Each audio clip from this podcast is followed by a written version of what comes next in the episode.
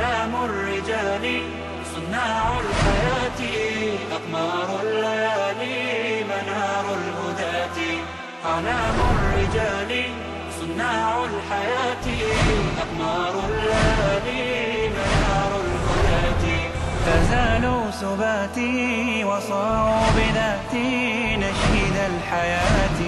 وصاروا بذاتي نشيد الحياة. تركنا الهوانا وعادت قوانا بعزم الأبات. وعادت قوانا بعزم الأبات آه يا من تسامى وخلى المنام. جرى العمر يمضي إن الحمد لله نحمده ونستعينه ونستغفره ونعوذ بالله من شرور أنفسنا ومن سيئات أعمالنا. من يهد الله فلا مضل له ومن يضلل فلا هادي له.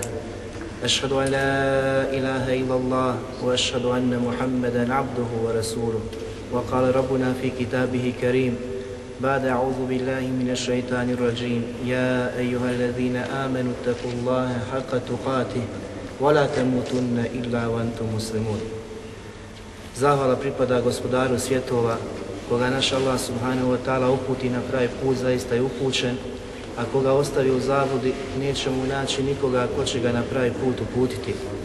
Svjedočim da nema drugog istinskog Boga osim Allaha subhanahu wa ta'ala i da je Muhammed alaihi salatu wasalam posljednji Allah poslanik poslan sa istinom. Naš gospodar je kazao u svojoj plemenitoj knjizi O vi koji vjerujete, bojte se Allaha istinskom bogobojaznošću i ne umirite nikako drugačiji osim kao muslimani. Zatim, assalamu alaikum wa rahmetullahi wa barakatuh. Prije svega zahvaljujem Allahu subhanahu wa ta'ala, gospodaru svega stvorenog što nam je omogućio da otpočnemo u ovoj te bareke wa ta'ala kući sa ovim ciklusom predavanja koji nosi naziv ili naslov upoznaj svoga gospodara Allaha subhanahu wa ta'ala kroz njegova lijepa, lijepa imena. Njemu zahvaljujemo i od njega pomoć tražimo da nam olakša da završimo ako boda ovo što smo nanijetili. A period koji će nam uzeti ako boda, znači ovaj ciklus predavanja, radi se znači o mnogo, mnogo predavanja jer Allah subhanahu wa ta'ala se opisao sa mnogim, sa mnogim lijepim savršenim imenima i svojstvima. Tako da ćemo mi ako boda pokušati da kroz ova predavanja završimo tu temu i da upoznamo našeg gospodara onako kako se i on opisao u svojoj plemenitoj knjizi Kur'anu i na jeziku poslanika sallallahu alihi wasallam bez dodavanja i bez oduzimanja kako nas uče naši, naši velikani, naše ulema od ehli sunneta wal džemata. Allah subhanahu wa ta'ala u svojoj plemenitoj knjizi spominje svoja lijepa imena da on posjeduje takva. Pa kaže u suri Al-A'raf 180. ajetu وَلِلَّهِ الْأَسْمَاءُ الْحُسْنَى فَدْعُوهُ بِهَا Zaista Allah subhanahu wa ta'ala posjeduje najljepša imena. Pa ga vi dozivajte tim imenima. Znači Allah subhanahu wa ta'ala traži od nas da ga dozivamo, da ga prizivamo, da molimo isključivo njegovim lijepim imenima. Koja su to lijepa imena kojima se uzvišeni Allah subhanahu wa ta'ala opisao u Kur'anu? Allah Đelešanuhu ukazuje na vrijednost traženja znanja, ukazuje na vrijednost i veličinu znanja na mnogim mjestima u Kur'anu, a isto tako je poslanik sallallahu alihi wa sallam. Jedan od ajeta gdje Allah Đelešanu kaže قُلْ هَلْ يَسْتَوِ الَّذِينَ يَعْلَمُونَ وَالَّذِينَ لَا يَعْلَمُونَ Ti upitaj i reci, da li su isti oni koji znanje imaju, koji znaju i oni koji ne znaju. Pa Allah Đelešanu kaže إِنَّمَا يَتَذَكَّرُ أُولُو الْأَلْبَابِ Zaista će pouku iz ovog pitanja, iz ovoga što Allah subhanahu wa ta'ala traži da poslanik upita umet, izvući samo oni koji su razumom obdareni. Samo će pametan shvatiti da nikada nisu isti koji znaju i koji ne znaju. Oni koji Allaha subhanahu wa ta'ala obožavaju i vjeruju u njega, znači potpunim znanjem o osobinama i imenima kojima se on subhanahu wa ta'ala opisao i oni koji to ne posjeduju koji ne znaju. Nikada ne mogu biti isti na istim deređama, nikada ne mogu biti kod Allaha, znači na deređi, niti mogu biti Allahu subhanahu wa ta'ala tako, znači bliski. Poput onih koji su ga shvatili, koji su ga razumjeli, koji su naučili i spoznali ga onako kako to njemu subhanahu wa ta'ala dolikuje. Allah subhanahu wa ta'ala kaže na drugom mjestu jerfa, jerfa illahu lezine amenu minkum. Zaista će Allah Đelešanu uzdići neke od vas na posebne dereće. Ko su ti koje će Allah subhanahu wa ta'ala uzdići na posebne deređe. Elazina amenu minkum. Oni koji budu od vas vjerovali potpunim imanom, oni će biti kod Allaha Đelešanu uzdignuti na posebne deređe. Allah Đelešanu kaže Valazina utul ilme deređat. A onima kojima je dato znanje, oni će na deređat još više kod Allaha Đelešanu biti uzdignuti. I njima će znači posebne počasti od Allaha Subhanahu wa ta'ala biti darivane. Oni koji kojima je dato znanje. A ono o čemu ćemo mi govoriti vidjet ćemo da vidite kako najveličanstvenije znanje. Zatim Allah subhanahu wa ta'ala kaže Innama jahša Allahe min ibadihi ulema Zaista se od Allahovi robova najviše njega boje, najviše njega strahuju oni koji su učeni, oni kojima je Allah Đelešanu dao znanje. Takvi se najviše Allah Đelešanu plaši i najviše strahuju od prijetnji koje Allah subhanahu wa ta'ala znači pojasnio u Kur'anu i sunetu poslanika sallallahu alejhi ve sellem. Oni koji imaju manje znanja, oni lutaju u zavodi, u tminama i nikada ne mogu biti isti. I ta svijest može biti ista poput onoga koji zna, koji je dokučio suštinu onoga što je Allah subhanahu wa ta'ala znači objavio svoje plemenitoj knjizi i sunetu poslanika sallallahu alejhi ve sellem. Zatim Allah Đelešanu je naredio poslaniku da traži i da moli i da dovi Allah Đelešanu da mu poveća šta? Imetak, djecu, porod, žene. Jedino što se prenosi u Kur'anu je ova dova. Vakur rabbi zidni ilma. I reci gospodaru moj, povećaj moje znanje. Najveća blagodat na Dunjaluku i da Allah uputi, da ga spoznaš, da o, shvatiš i da razumiješ ono sad će mi došao poslanik sallahu alijih wasallam. A to nikako ne možeš uspjeti bez tog znanja o Allahu subhanahu wa ta'ala. Jer svaka nauka se vrijednije po onome što ona izučava, što ona obrađuje. Znate li koja je ovo nauka? koju ćemo mi ako boda, znači ovdje pričati, o njoj kazivati. To je najveličanstvenija nauka koja izučava gospodara svijeta. Ko je naš gospodar? Kojem robujemo, kojeg obožavamo, kojem na sežu padamo, kojeg dozivamo, od kog tražimo, na kojeg se oslanjamo. U svim situacijama.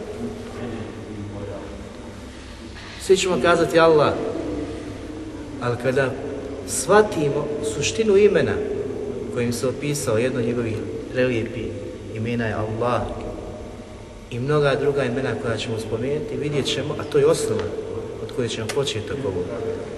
Poslije ćemo znači dodati jedno po jedno ime kojim Allah subhanahu wa ta'ala sebe opisuje jer kaže valillahi lasma'ul husna Allah posjeduje najljepša imena pa ta imena koja on subhanahu wa ta'ala posjeduje, mi ćemo uz Allahu te bareke wa ta'ala pomoć obratiti.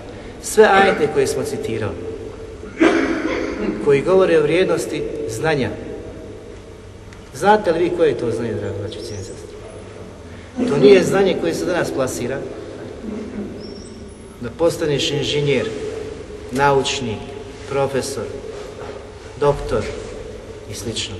Ovo znanje sa kojim Allah subhanahu wa ta'ala ovdje posebno ukazuje je znanje sa kojim su došli poslanici od prvog do posljednjeg, a svi su oni opisivali gospodara svjetova. To je znanje o Allahu subhanahu wa ta'ala.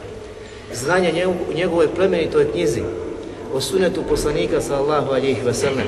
Jer, jer ima Malik je kazao, kad je upitan šta je to znanje, rekao je kala Allah, ono što kaže Allah i što kaže kala Rasul, što kaže njegov poslanik.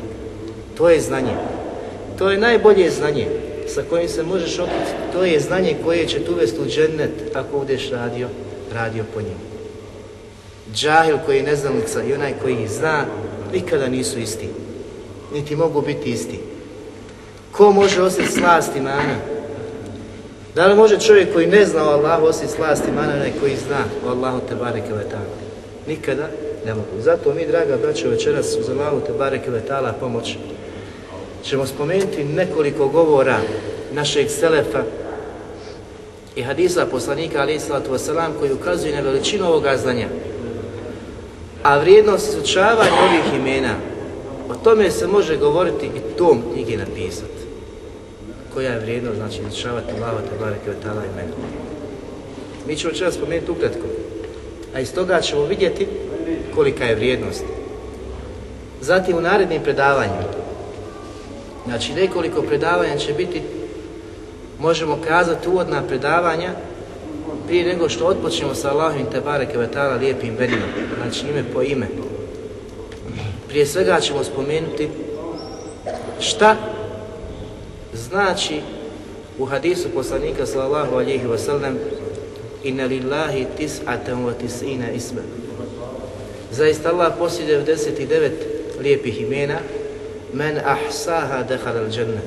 Koji bude naučio, ući će u džennet.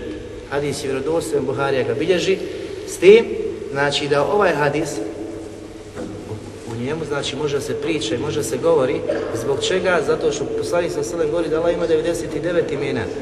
Znači, meselu koju ćemo raditi, inša da li Allah ima isključivo 99 Allahovi lijepih imena, da su ograničena brojem, ili ima više od toga, to ćemo ako voda, prije nego što počnemo govoriti o Allahovim lijepim imenima. Zatim riječ ovdje koja je došla u hadisu ahsaha, koji bude naučio šta ona znači, da li je to samo naučiti, znači napraviti 99 imena ili nešto drugo. Spomenut ćemo govore, znači Selefa Uleme, šta su kazali po pitanju toga. Zatim poslije toga, ovih 99 imena koje mi danas čitamo i čitamo po levhama i po knjigama i svudje negdje možemo naći Allahova lijepa imena koja su ispisana, da li su to imena koja je poslanik Ali Islatu Veselan spomenuo?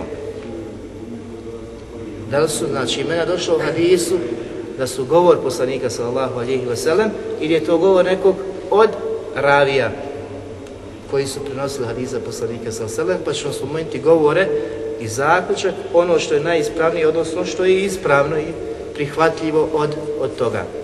Poslije toga ćemo spomenuti pravila vezana za Allahova te bareke lijepa imena. Ne možeš učiti Allahova lijepa imena ako ne znaš pravila koja je postavio ehli sunnet od džema. Zbog čega? Zbog toga što su mnogi novotari koji su došli poslije poslanika ali sallatu wasalam iz zlatnih generacija pokušali da dodaju imena koja nisu od Allahovi te bareke imena ili da oduzimaju Allahova te bareke imena tako što su negirali sva Allahova imena, sva Allahova svojstva neuzubila poput Žehmija ili koji su priznali Allahova lijepa imena ali su negirali svojstva poput sekte znači Mu'tazila ili koji su prihvatili znači samo jedan dio Allahovi svojstva savršenih osobina negirali, odnosno prihvatili i potvrdili Allahova lijepa imena, ili znači ćemo prihvatiti sva Allahova te bareke svojstva, onako kako to dolikuje gospodaru svjetova i njegova lijepa, lijepa imena, onako kako je potvrdio ehli, ehli sunet. O tome ćemo znači govoriti i ova pravila su jako bitna. Kad ta pravila završimo, uz Allahu te bareke pomoć radit ćemo jednu meselu koja je jako bitna, to je ilhad odstupanje od Allahovi te bareke lijepih imena, jer Allah što kada kaže velillahi lesma'ul husna zaista Allah Đelešava poslije lijepa imena fad'uhu biha i vi njima dozivajte njega wadari lazina yulhidune bi esma'ihi i klonite se, izbjegavajte, bježite od onih koji Allahova imena izvrću iskreću njihovo značenje.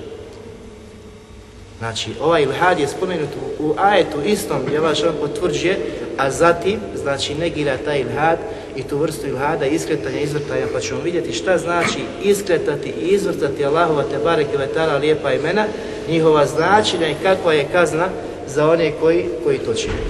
Poslije toga ćemo ući i odpočeti sa Allahovim te bareke vetara imenima, odnosno sa Allahovim lijepim imenom Allah, i tog trenutka, u tom predavanju spomenut ćemo najveličanstvenije, najuzvišenije, najodabranije Allahove Tebare Kvatala ime, koje je, znači poslanik sa Allahu alihi vseleme nagovijestio u hadisu, da Allah Đelešanu ima ismu, znači ismu azam, najveličanstvenije, najveće ime, kada se dozove, odazove se onome koji doziva tim imenom, a kad zatraži tim imenom, Allah Đelešanuhu mu usliša, usliša njegovu, njegovu. I hadis je sahih i oko toga znači postoji, postoji razilaže učenjaka, znači četiri poznata mišljenja i ono ćemo znači da ključi sa ispravnim, sa ispravnim mišljenjem. To je ukratko znači o našem planu i programu kako ćemo znači ući u Allahu te bareke ve lijepa imena. A večeras ako da govorimo znači o vrijednosti izučavanja ove, ove nauke. Rekao Ibn Kajim Rahimahullah. I ovo je jako, jako znači bitno da shvatite da razumijete koliko je značenje i na koliko je stvar ukazao, znači Ibn Kajim Rahimahullah kada je kazao ovu stvar. Kaže, ko spozna Allaha njegovim lijepim imenima, ko spozna Allaha njegovim lijepim imenima i savršenim svojstvima, zavolit će ga u što nema sumnje. Ko spozna Allaha njegovim lijepim imenima i savršenim svojstvima, zavolit će ga u što nema sumnje. Koliko danas ljudi voli Allaha subhanahu wa ta'ala? Ili koliko ljudi je svjesno ili zna da ga Allah subhanahu wa ta'ala voli? Koliko smo se uposlili sa ovom naukom da izučavamo znači Allaha subhanahu wa ta'ala, da ga znači spoznamo kroz njegova lijepa imena i njegova savršena, savršena svojstva.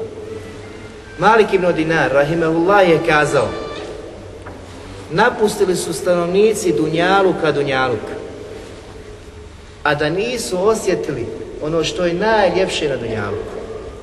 Napustili su stanovnici Dunjaluka Dunjaluk, a da nisu osjetili ono što je najljepše na Dunjaluku. Što je to najljepše? Mi se pitamo, a su ga pitali oni koji su ga slušali, pa su kazali šta je to najljepše na Dunjaluku, o, o Ebu Jahja, jer mu je kunija i nadimak bio Ebu Šta je to najljepše? Kaže on, radi Allahanu, odnosno, rahimahullah, spoznaja Allaha azza wa Da ga spoznaš, da saznaš ko je tvoj gospodar koji se opisao sa tolikim lijepim imenima i savršenim svojstvima. Jer to mora biti značenje, mora biti znači nešto veliko. Čim se Allah subhanahu wa ta'ala sa tolikim imenima opisao. Arapi kada kažu da sejf, sablja ima nekoliko imena, kažu da to ukazuje na šta? Na veličinu sablje. Jer kažu što neka stvar ima više imena, sve znači jačih značenja. Sve jačih značenja. Allah subhanahu wa ta'ala, ono što nam je poznato iz ovog hadisa, 99 imena, a mi kažemo, kada ćemo kod Umar tu meselu da ima daleko više Allah subhanahu wa ta'ala imena od ovih 99. Zamislite da te moći i te veličine da se opiše tolikim savršenim svojstvima iz kojeg, iz svakog tog svojstva se izlači zaključci. Odnosno, znači, uzimaš koliko ti si u mogućnosti da se okitiš tom osobinom kojom se okitio Allah subhanahu wa ta'ala s tim da Allah subhanahu wa ta'ala ima tu potpunu osobinu. Savršenstvo te osobine dok će on uzeti samo jedan dijelić koji je pohvalan da se uzme, dok neke osobine ne možemo uzeti kao osobina gordosti. Jer Allah subhanahu wa ta'ala je pokudio i zabranio da se robovi ohole jedni za drugi. Kibr. Ali po pitanju Allah subhanahu wa ta'ala ta osobina je savršenstvo. Jer njemu to dolikuje. Onako kako se on opisao subhanahu, subhanahu wa ta'ala. Zato, draga braćo i cijenije sestre, u Kur'anu gotovo da ne možemo naći jedan kuranski ajet, a da se on ne završava sa Allahovim lijepim imenom ili savrš, znači njegovom savršenom osobinom ili da ne odpočinje sa Allahovim lijepim imenom ili da ne sadrži u sredini znači ajeta jedno od njegovih lijepih, lijepih imena. Što opet ukazuje na veličinu gospodara svjetova. Znači kada uzmemo, kada razmislimo o kuranskim ajetima koje čitavamo, vidjet ćemo znači da Allah Đelešanu nekada spominje svoja lijepa imena na početku ajeta, nekada u sredini, nekada na kraju, nekada na početku i na kraju, a nekada tri puta. Znači što kaže da je to savršenstvo nad savršenstvom, da otpočne sa svojim lijepim imenom, zatim ga spomene u sredini ajeta i završi znači na kraju sa dva, sa dva lijepa imena. Pa kažu kada se spomene jedno to je savršenstvo, kada se spomenu dva imena to je savršenstvo nad savršenstvom lijepih imena. Vidjet ćemo potpuni sklad, posebno znači za osobe koje razumiju arapski, arapski jezik. Ibn Taymiye rahimahullah kaže u Kur'anu se nalaze i spominju Allahova lijepa imena i uzvišena svojstva. Zatim kaže njegovog zlata, odnosno sifatu zlatije, a to su osobine Allahovog bića i sifatu fi'lije, osobine Allahovog upravljanja, stvaranja njegovih dijela. Znači osobine njegovih dijela. Što znači imamo dvije kategorije Allahovi te bareke vetala osobina njegovog bića, njegovog zata kojim se on, znači subhanahu wa ta'ala opisuje i njegovih radi, njegovih, njegovih dijela. Pa kaže svojstva upravljanja, koja su druga znači kategorija, i svojstva, znači njegova vlastnog bića, su više spomenuta u Kur'anu od čega? Od opisa dženeta, od hrane koja će biti u džennetu, od uživanja koja će biti u džennetu, bilo čega drugog. Znači Allahove osobine koje opisuju njegov rad, njegovo biće subhanahu wa ta'ala i njegove radnje su više spomenute u Kur'anu od opisa dženeta i onoga što će biti u dženetu od hrane, uživanja, pića, kurija, ono što čemu se mi divimo i što volimo da slušamo, a u suštini nekada preskačemo one bitnije stvari koje su nam znači kako važnije da ih shvatimo i da ih naučimo i da ih spoznajemo. Zatim, mi znamo, draga braćo, da je najveličanstveniji ajet u Kur'anu koji? Ajetul Kursi. U Bejbinu Kab, kad ga je poslanik Ali Islatu Veselam pitao koji je najveličanstveniji ajet u Kur'anu, odgovorio znači da je to Allahu la ilaha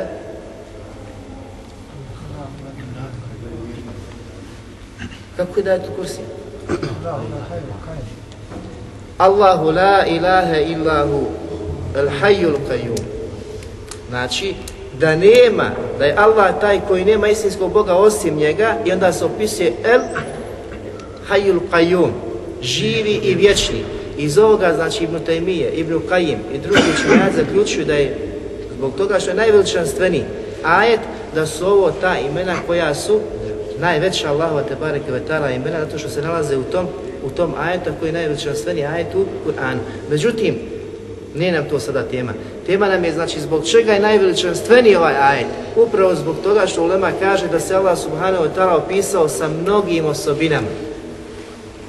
I znači sa puno lijepih imena u ovom kuranskom ajetu. Ovo ćemo znači imati posebnu temu gdje ćemo spominjati detaljno znači u ajetu kursi. Ali zbog čega znači, zbog čega je najveličanstveniji? Upravo zbog toga što obuhvata i sadrži znači mnogo Allahovi lijepih osobina i lijepih, lijepih imena.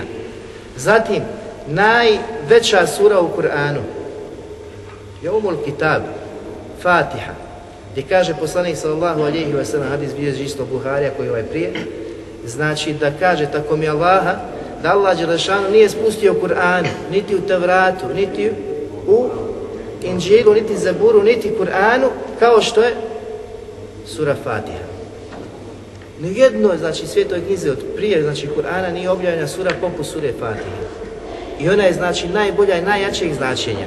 Kada pogledamo, kažu učenjaci, kada pogledamo znači šta, o čemu govori sura Fatiha, vidjet ćemo da Allah Đelešanu se opisuje sa mnogim imenima i svojstvima u toj više nego što spominje sudnji dan.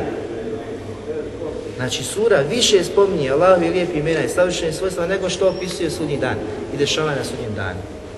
Opet vidimo zbog čega je značajna, zbog čega je velika, zato što opisuje gospodara svjetova, gospodara svjetova, njegovim znači lijepim imenima i savršenim svojstvima.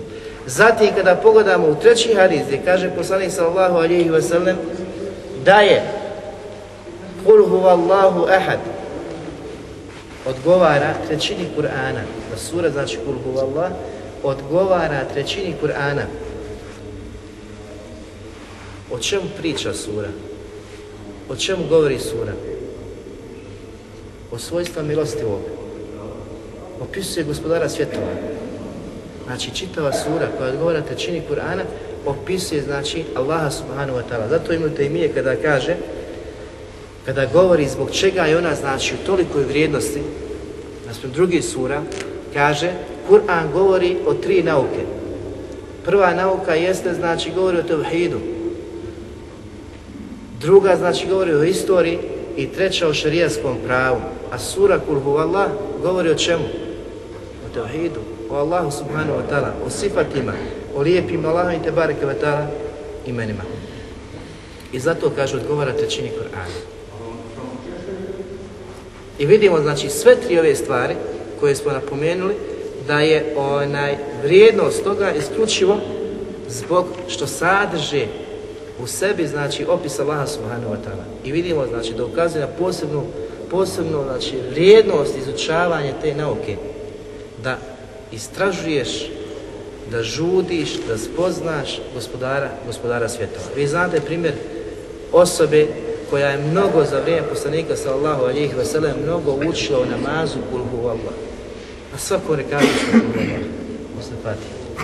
Posle ashabi se htjeli žaliti poslaniku sallallahu alihi wasallam zbog čega toliko uči. Ima druge sure za kulhu Allah. Pa je došla, znači, osoba poslanika sallallahu alihi wasallam i na upis zbog čega kaže zbog toga što ta sura sadrži osobine milostivog gospodara. Volio je suru samo zbog čega? Zbog toga što je opisivala gospodara svjetova. I šta je poslanik kazao njemu? I tebe Allah subhanahu wa ta'ala voli. Allah ga zavolio zbog onoga što on voli gospodara, zbog njegovih svojstava. Zato Ibn Taymije kaže, ovaj hadis pojašnjava i ukazuje da Allah subhanahu wa ta'ala voli onoga koji voli da spominje njegova lijepa imena i savršena svojstva. Allah voli onoga koji voli da spominje Allaha, znači kroz njegova lijepa imena i savršena svojstva. Kao što je znači ovaj ashab volio da spominje i veliča gospodara svjetova učeći ovu plemenitu i veliku, veliku znači suru u Kur'anu. Šta prouzrokuje znanje o ovim lijepim imenima i savršenim svojstvima. Prouzrok je Habibi da spoznaš gospodara svjetova, strah poštovanje u tvom srcu, da Allah subhanahu wa ta'ala obožavaš, da njemu robuješ, da se na njega oslanjaš, da od njega tražiš. Znači, kada vidiš kolika je to veličina, koliki je tvoj gospodar, kakve osobine ima, kakva lijepa imena i ta značenja, kada kaže Alim, Sami, Al Basir, čuje, znači apsolutno se čuje, apsolutno se vidi, apsolutno znači ona ništa mu skriveno nije. I ta činjenica, ta iman uđe u tvoje srce. Kako ćeš onda raditi nešto što će Allah subhanahu nije zadovoljno? Kad kaže Al-Qadir, da je svemoćan, zar se možeš bojati nekoga? Strahovati od nekoga? kad znaš da je gospodar svjetova na tvojoj strane, Aziz moćni. Ovo su samo skraćena značenja od onoga što zaista ta imena nose u sebi. Znači, ukratko rečeno, da ima moćni. Ta moć se opisati, veličina te moći se opisati onako kako se opisao, znači ili Allah subhanahu wa ta'ala, ili poslanik, ili selef, govoreći Allah subhanahu, subhanahu wa ta'ala. Zato nam je obaveza, draga braćo, da spoznamo, da naučimo i izučimo ova lijepa imena, da upoznamo našeg gospodara, da bi ga obožavali onako kako njemu subhanahu wa ta'ala dolikuje. Jer pogledajte koliko osoba danas ima koji nisu spoznali gospodara svjetova.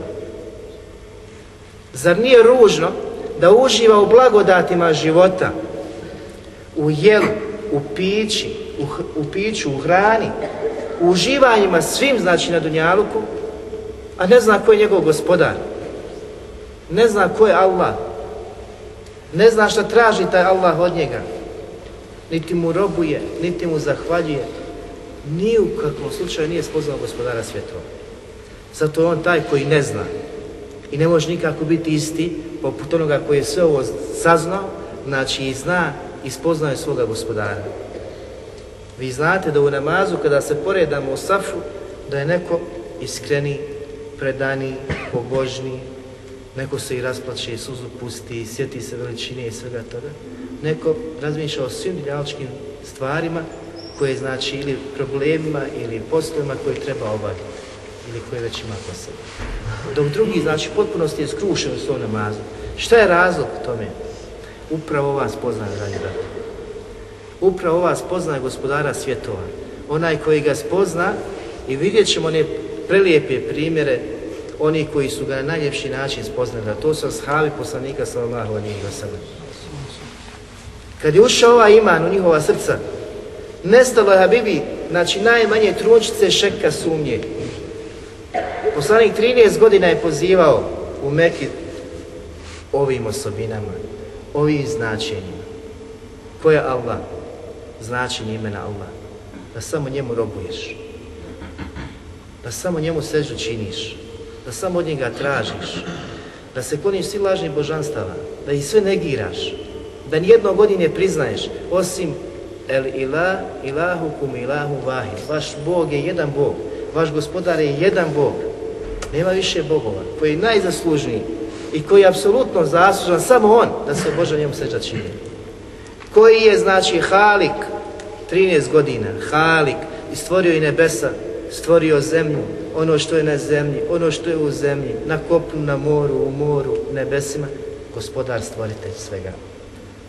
Razik koji daje obskrbu i koji spušta od ozgo sa nebesa svojim robovima. To je poslanik sa 13 godina pozivao. Da je onaj, da je on, taj subhanahu wa ta'ala koji se opisao tim imenima i tim značenjima jedini, znači kad si ga spozvao da je on takav, jedini zaslužan da mu sežu činiš, da od njeg moliš, da se njemu predaš, da znaš da je on taj jedini koji ti može štetu otkloniti, koji ti može, znači, bogatstvo pribaviti, koji ti može pomoći. Znači, opisivao je gospodara svjetova 13 godina svojim značenjima i savršenim svojstvima. I ta akida kad je ušla u prvu generaciju, da li su je, znači, oni ikada ispustili iz svojih srca? Da li ima munafika u mekanskom periodu? Da li je postoji jedan munafik između onih koji su primili din? Nije. Nije, jer je ta istina i ta ima ušla u njihova srca. Zatim Allah subhanahu wa ta'ala toj najodabranijoj skupini daje da formira islamsku državu. Posle islamske države, znate, gdje je sve islam znači došao. Jer su ga spoznali onako kako treba, znači uzimali su onaj dio po dio u svojoj vjeri. Uzimali su one prioritete koji su najbitniji. Nisu ošli da čitaju 15 tomova nekog dijela, a nisu skontali suštinu robovanja gospodara svijeta. Nisu ošli da čitaju, izučavaju hadisa, neke uče, a nisu skontali suštinu svog postojanja. Uči se Kur'an napave bez znanja o suštini njegovog postojanja. Da se manifestuje u njegovom životu. Da ostavi tragove znači u njegovom životu. Zato svako ime koje se spomene od Allah subhanahu wa ta'ala mora da se uzme ta osobina i da se osjeti taj manifest između nas u našem djelovanju, međusobnom znači kontaktu u svim znači segmentu našeg života. Da se osjeti Habibi da se ti okitio tim osobinama, da si spoznao gospodara svjetova. Zatim ćeš da shvatiš i hadise koji ti zabranjuju gibet, i hadise koji ti zabranjuju nemimet, i obavezu namaza, i obavezu zekata, i posta, i hađa, i selama, i svega toga će shvatiti, vjeruj mi, kad se zamočiš ova imena. i njihovo značenje. Zbog čega ti je to sve?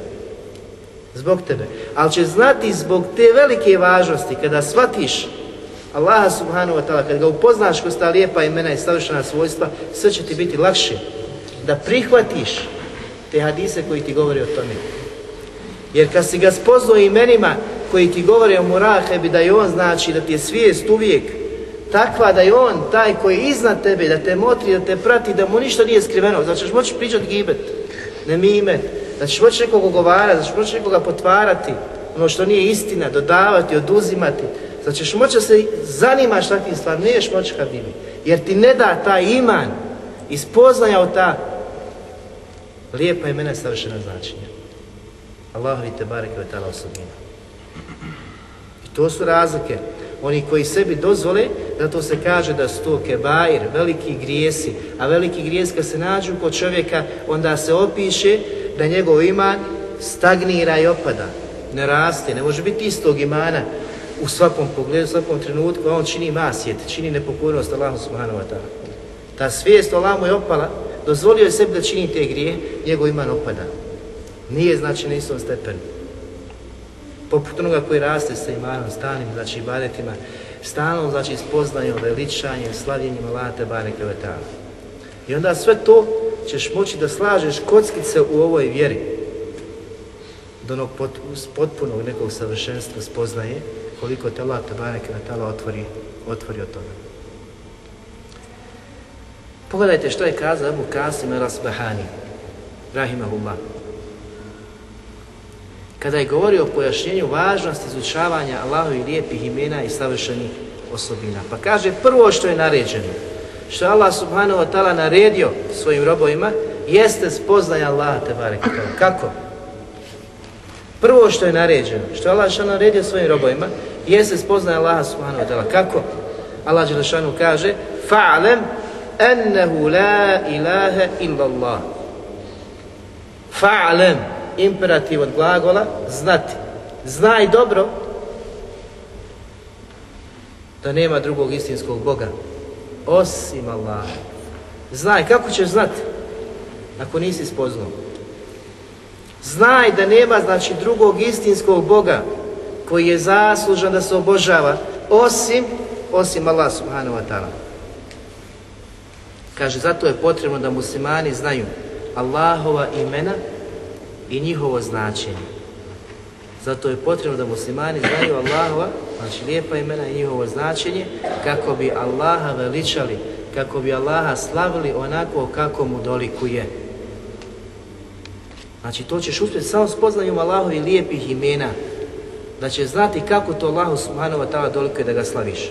Pa kaže, kada čovjek, a to je sad naša situacija, naše stanje, kada čovjek želi da se da uda nekoga, da uda svoju čerku.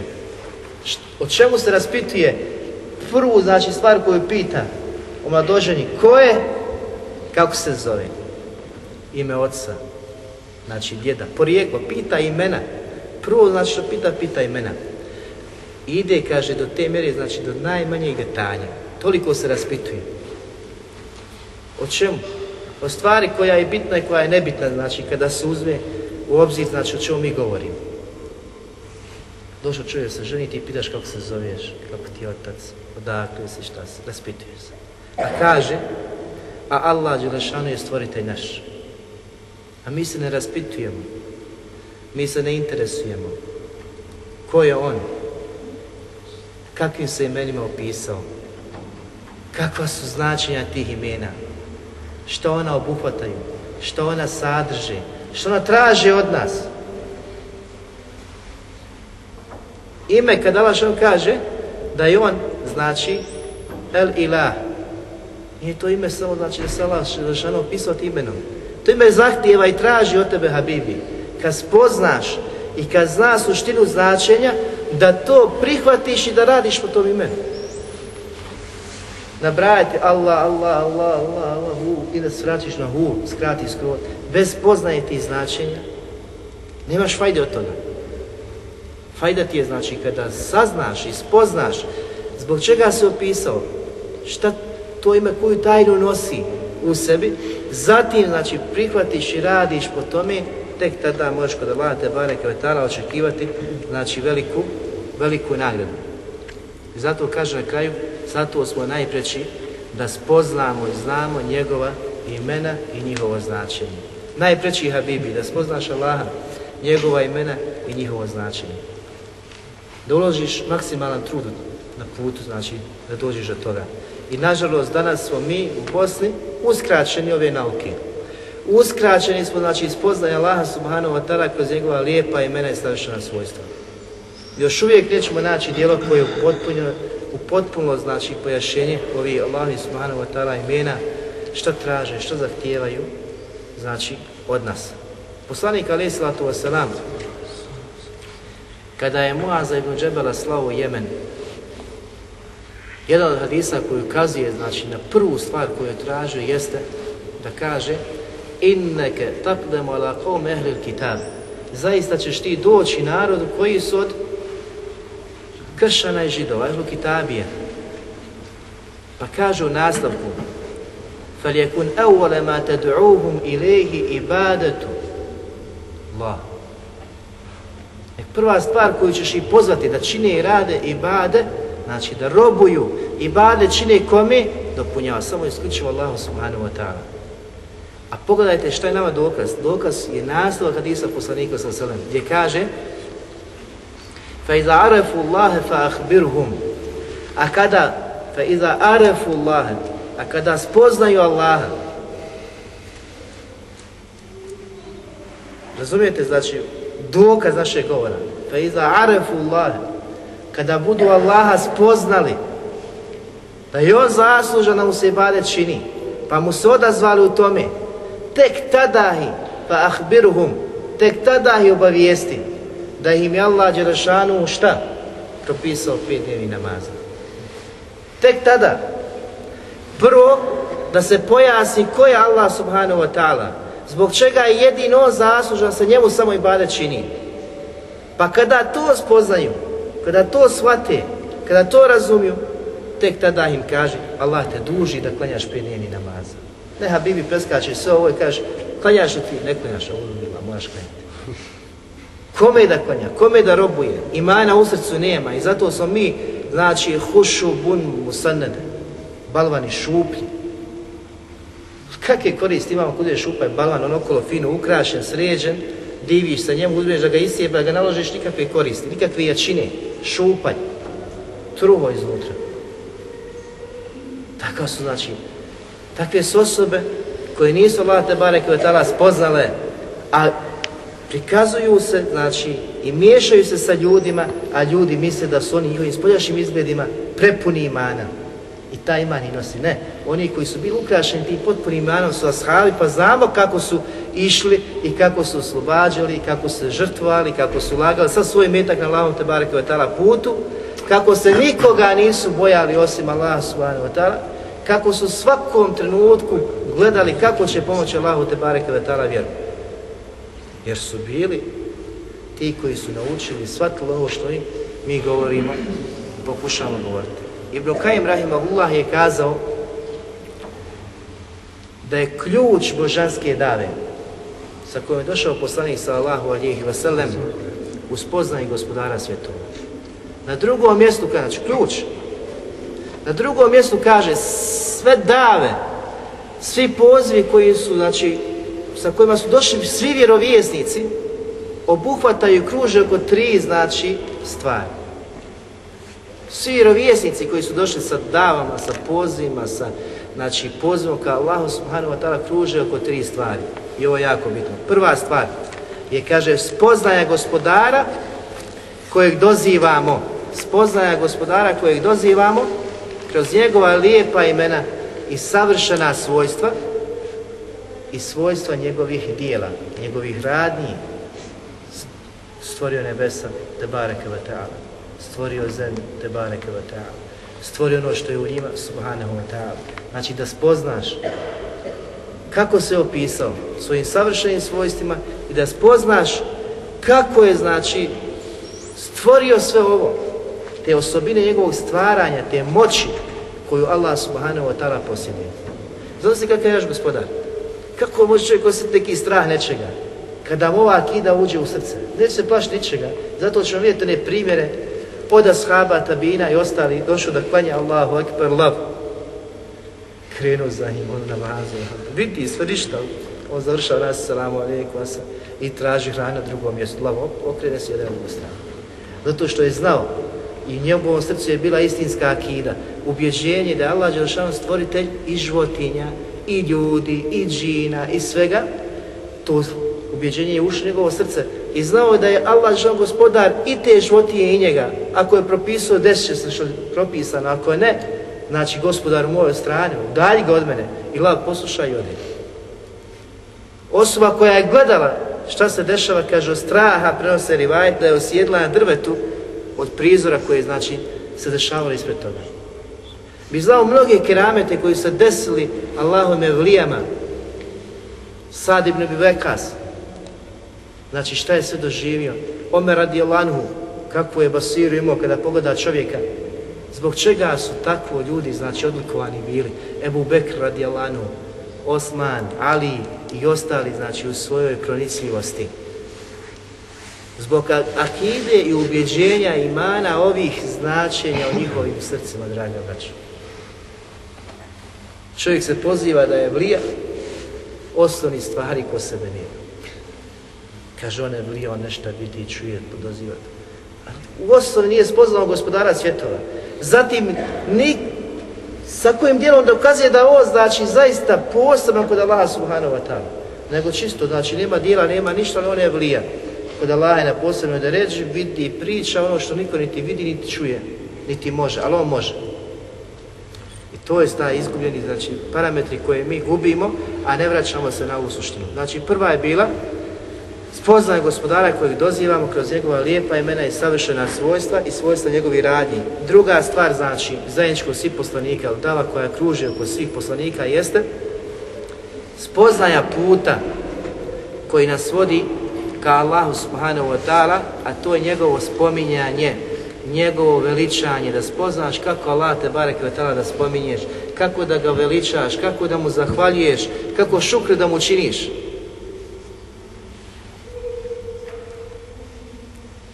I onda zaključuje i kaže, sve to kad budeš radio, veličio, slavio, zahvaljivo, trebaš da imaš i da sadržiš ko sebe dvije osobine, a to su vrhunac ljubav prema Allahu subhanahu wa ta'ala.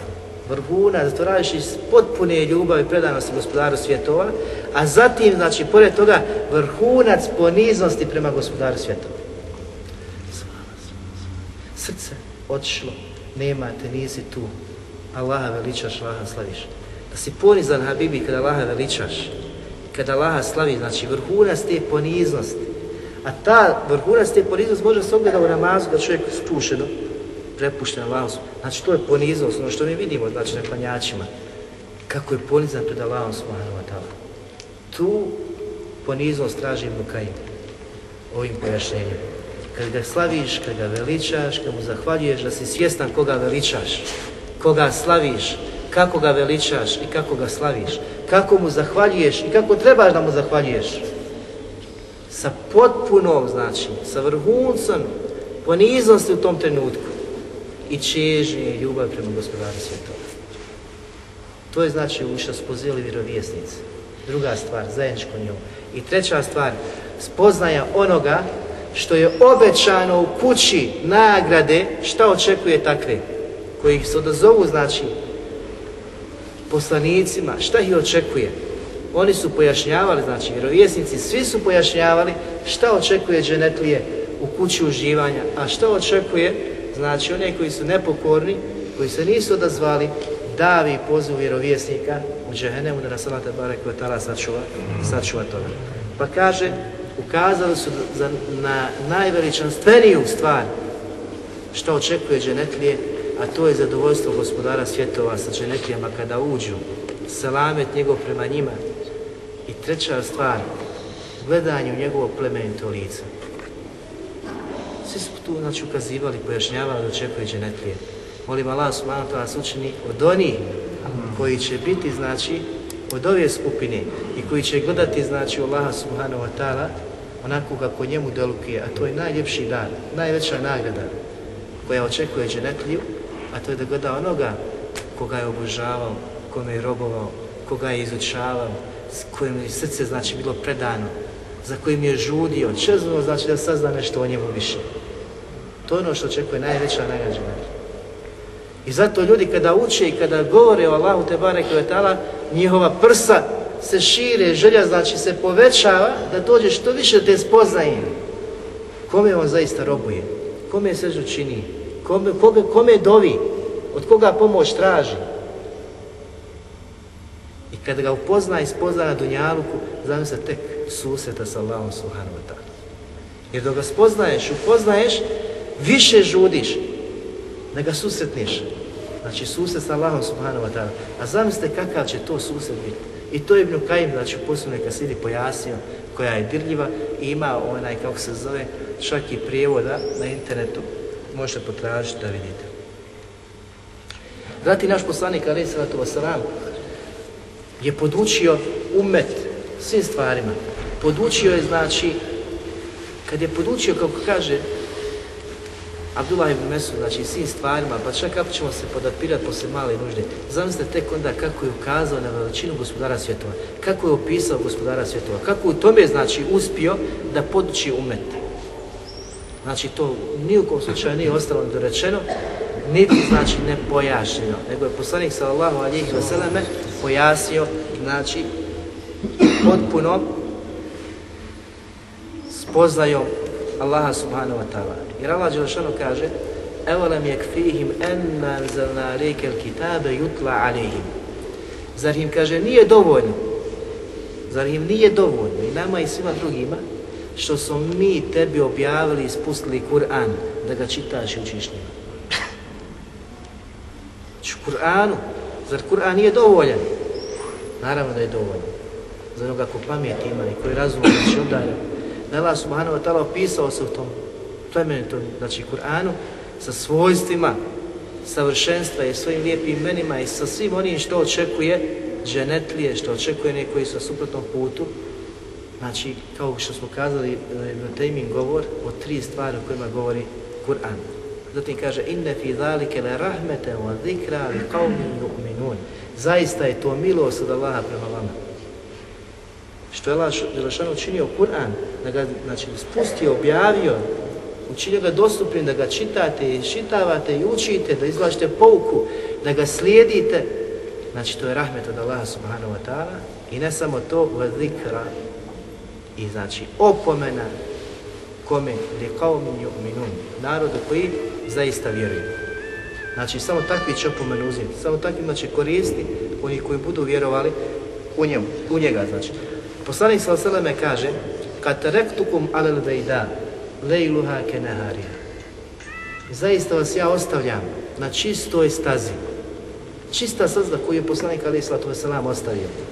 Njena noć je poput njenog dana. Pogledajte kako poslanik sallallahu alihi wasallam opisuje svoju stazu. Sunnet, vjeru koja ostaje znači iza njega. Pa kaže la jezigu anha badi illa halik i neće odstupati od nje, neće zalutati od nje osim onaj koji je halik, koji će biti upropašten. Samo takav, znači ko skrene sa ove svijetle staze, koja je jasna, znači u toku noći, u toku dana, potpuno znači, ista jasnoća, i u toku najmrklje noći, i u toku dana, ona je ista, neće sa nje skrenuti, neće skrenuti suneta poslanika sallahu alihi vseleme, osim osoba koja je upropaštena, znači na ahiretu, koja nema znači ikakve koristi tamo. Hadis je dokaz čemu? Da je poslanik sa svema potpunio risalu. Da je upotpunio znači ono što je trebao dostaviti od gospodara svjetova. Zatim da je upotpunio pojašnjenje onoga koji se obožava, a to je Allah subhanahu wa ta'ala. Da tu nema ništa dodati, ništa oduzeti. Ko se bude toga čvrsto držao, bit će na toj čistoj stazi. Ko bude počeo, znači, da skreće lijevo i desno, ide već u ono što se zove propast da nas Allah subhanahu wa ta'ala. Ibn Kajim, kada opisuje Rahimahullah, čega su naše duše najpotrebnije, kaže, duše nisu ničega više potrebnije kao što je spoznaje gospodara, stvoritelja, njegovog spominjanja, veličanja i radosti za njim. To su naše duše potrebne.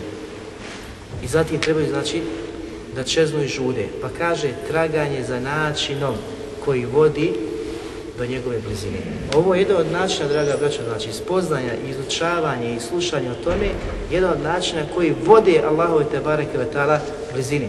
Kaže, nema puta prema ovim stvarima, osim sa spoznanjem njegovih savršenih osobina i lijepih imena. Želiš da upoznaš gospodara, nećeš ga upoznati, niti ga možeš upoznati sa nekim trećim načinom, osim, znači, s ovim koji je propisan, kako se je Allah subhanahu ta'ala opisao, znači, sa najljepšim imenima i sa potpunim savršenim svojstvima. Kad svaki put kada rob traga da spozna o njima više, postaće znanji o Allahu subhanahu wa ta'ala i bit će mu bliži. Svaki put kada negira neko od njegovih značenja, a mi znamo koje su sekte koje negiraju njegovo značenje, bit će veći neznalica o Allahu i omrženiji kod Allaha. Kazali smo su džehmije što negirali i imena Allahova subhanahu wa ta'ala i svojstva. Zato su najveće neznalice Allahu subhanahu wa ta'ala. I najomrženiji kod Allaha subhanahu wa ta'ala. Pa kaže, i udaljeniji od Allaha, Allah kaže, udaljava roba od sebe onoga trenutka kada se rob udalji od Allaha subhanahu wa ta'ala. Kad se udaljiš od ove nauke, da se približiš Allahu subhanahu wa ta'ala kroz njegova lijepa imena savršena svojstva, toliko će se znači udaljiti zaista od Allaha subhanahu wa ta'ala. To je najljepše, znači on pojasnio.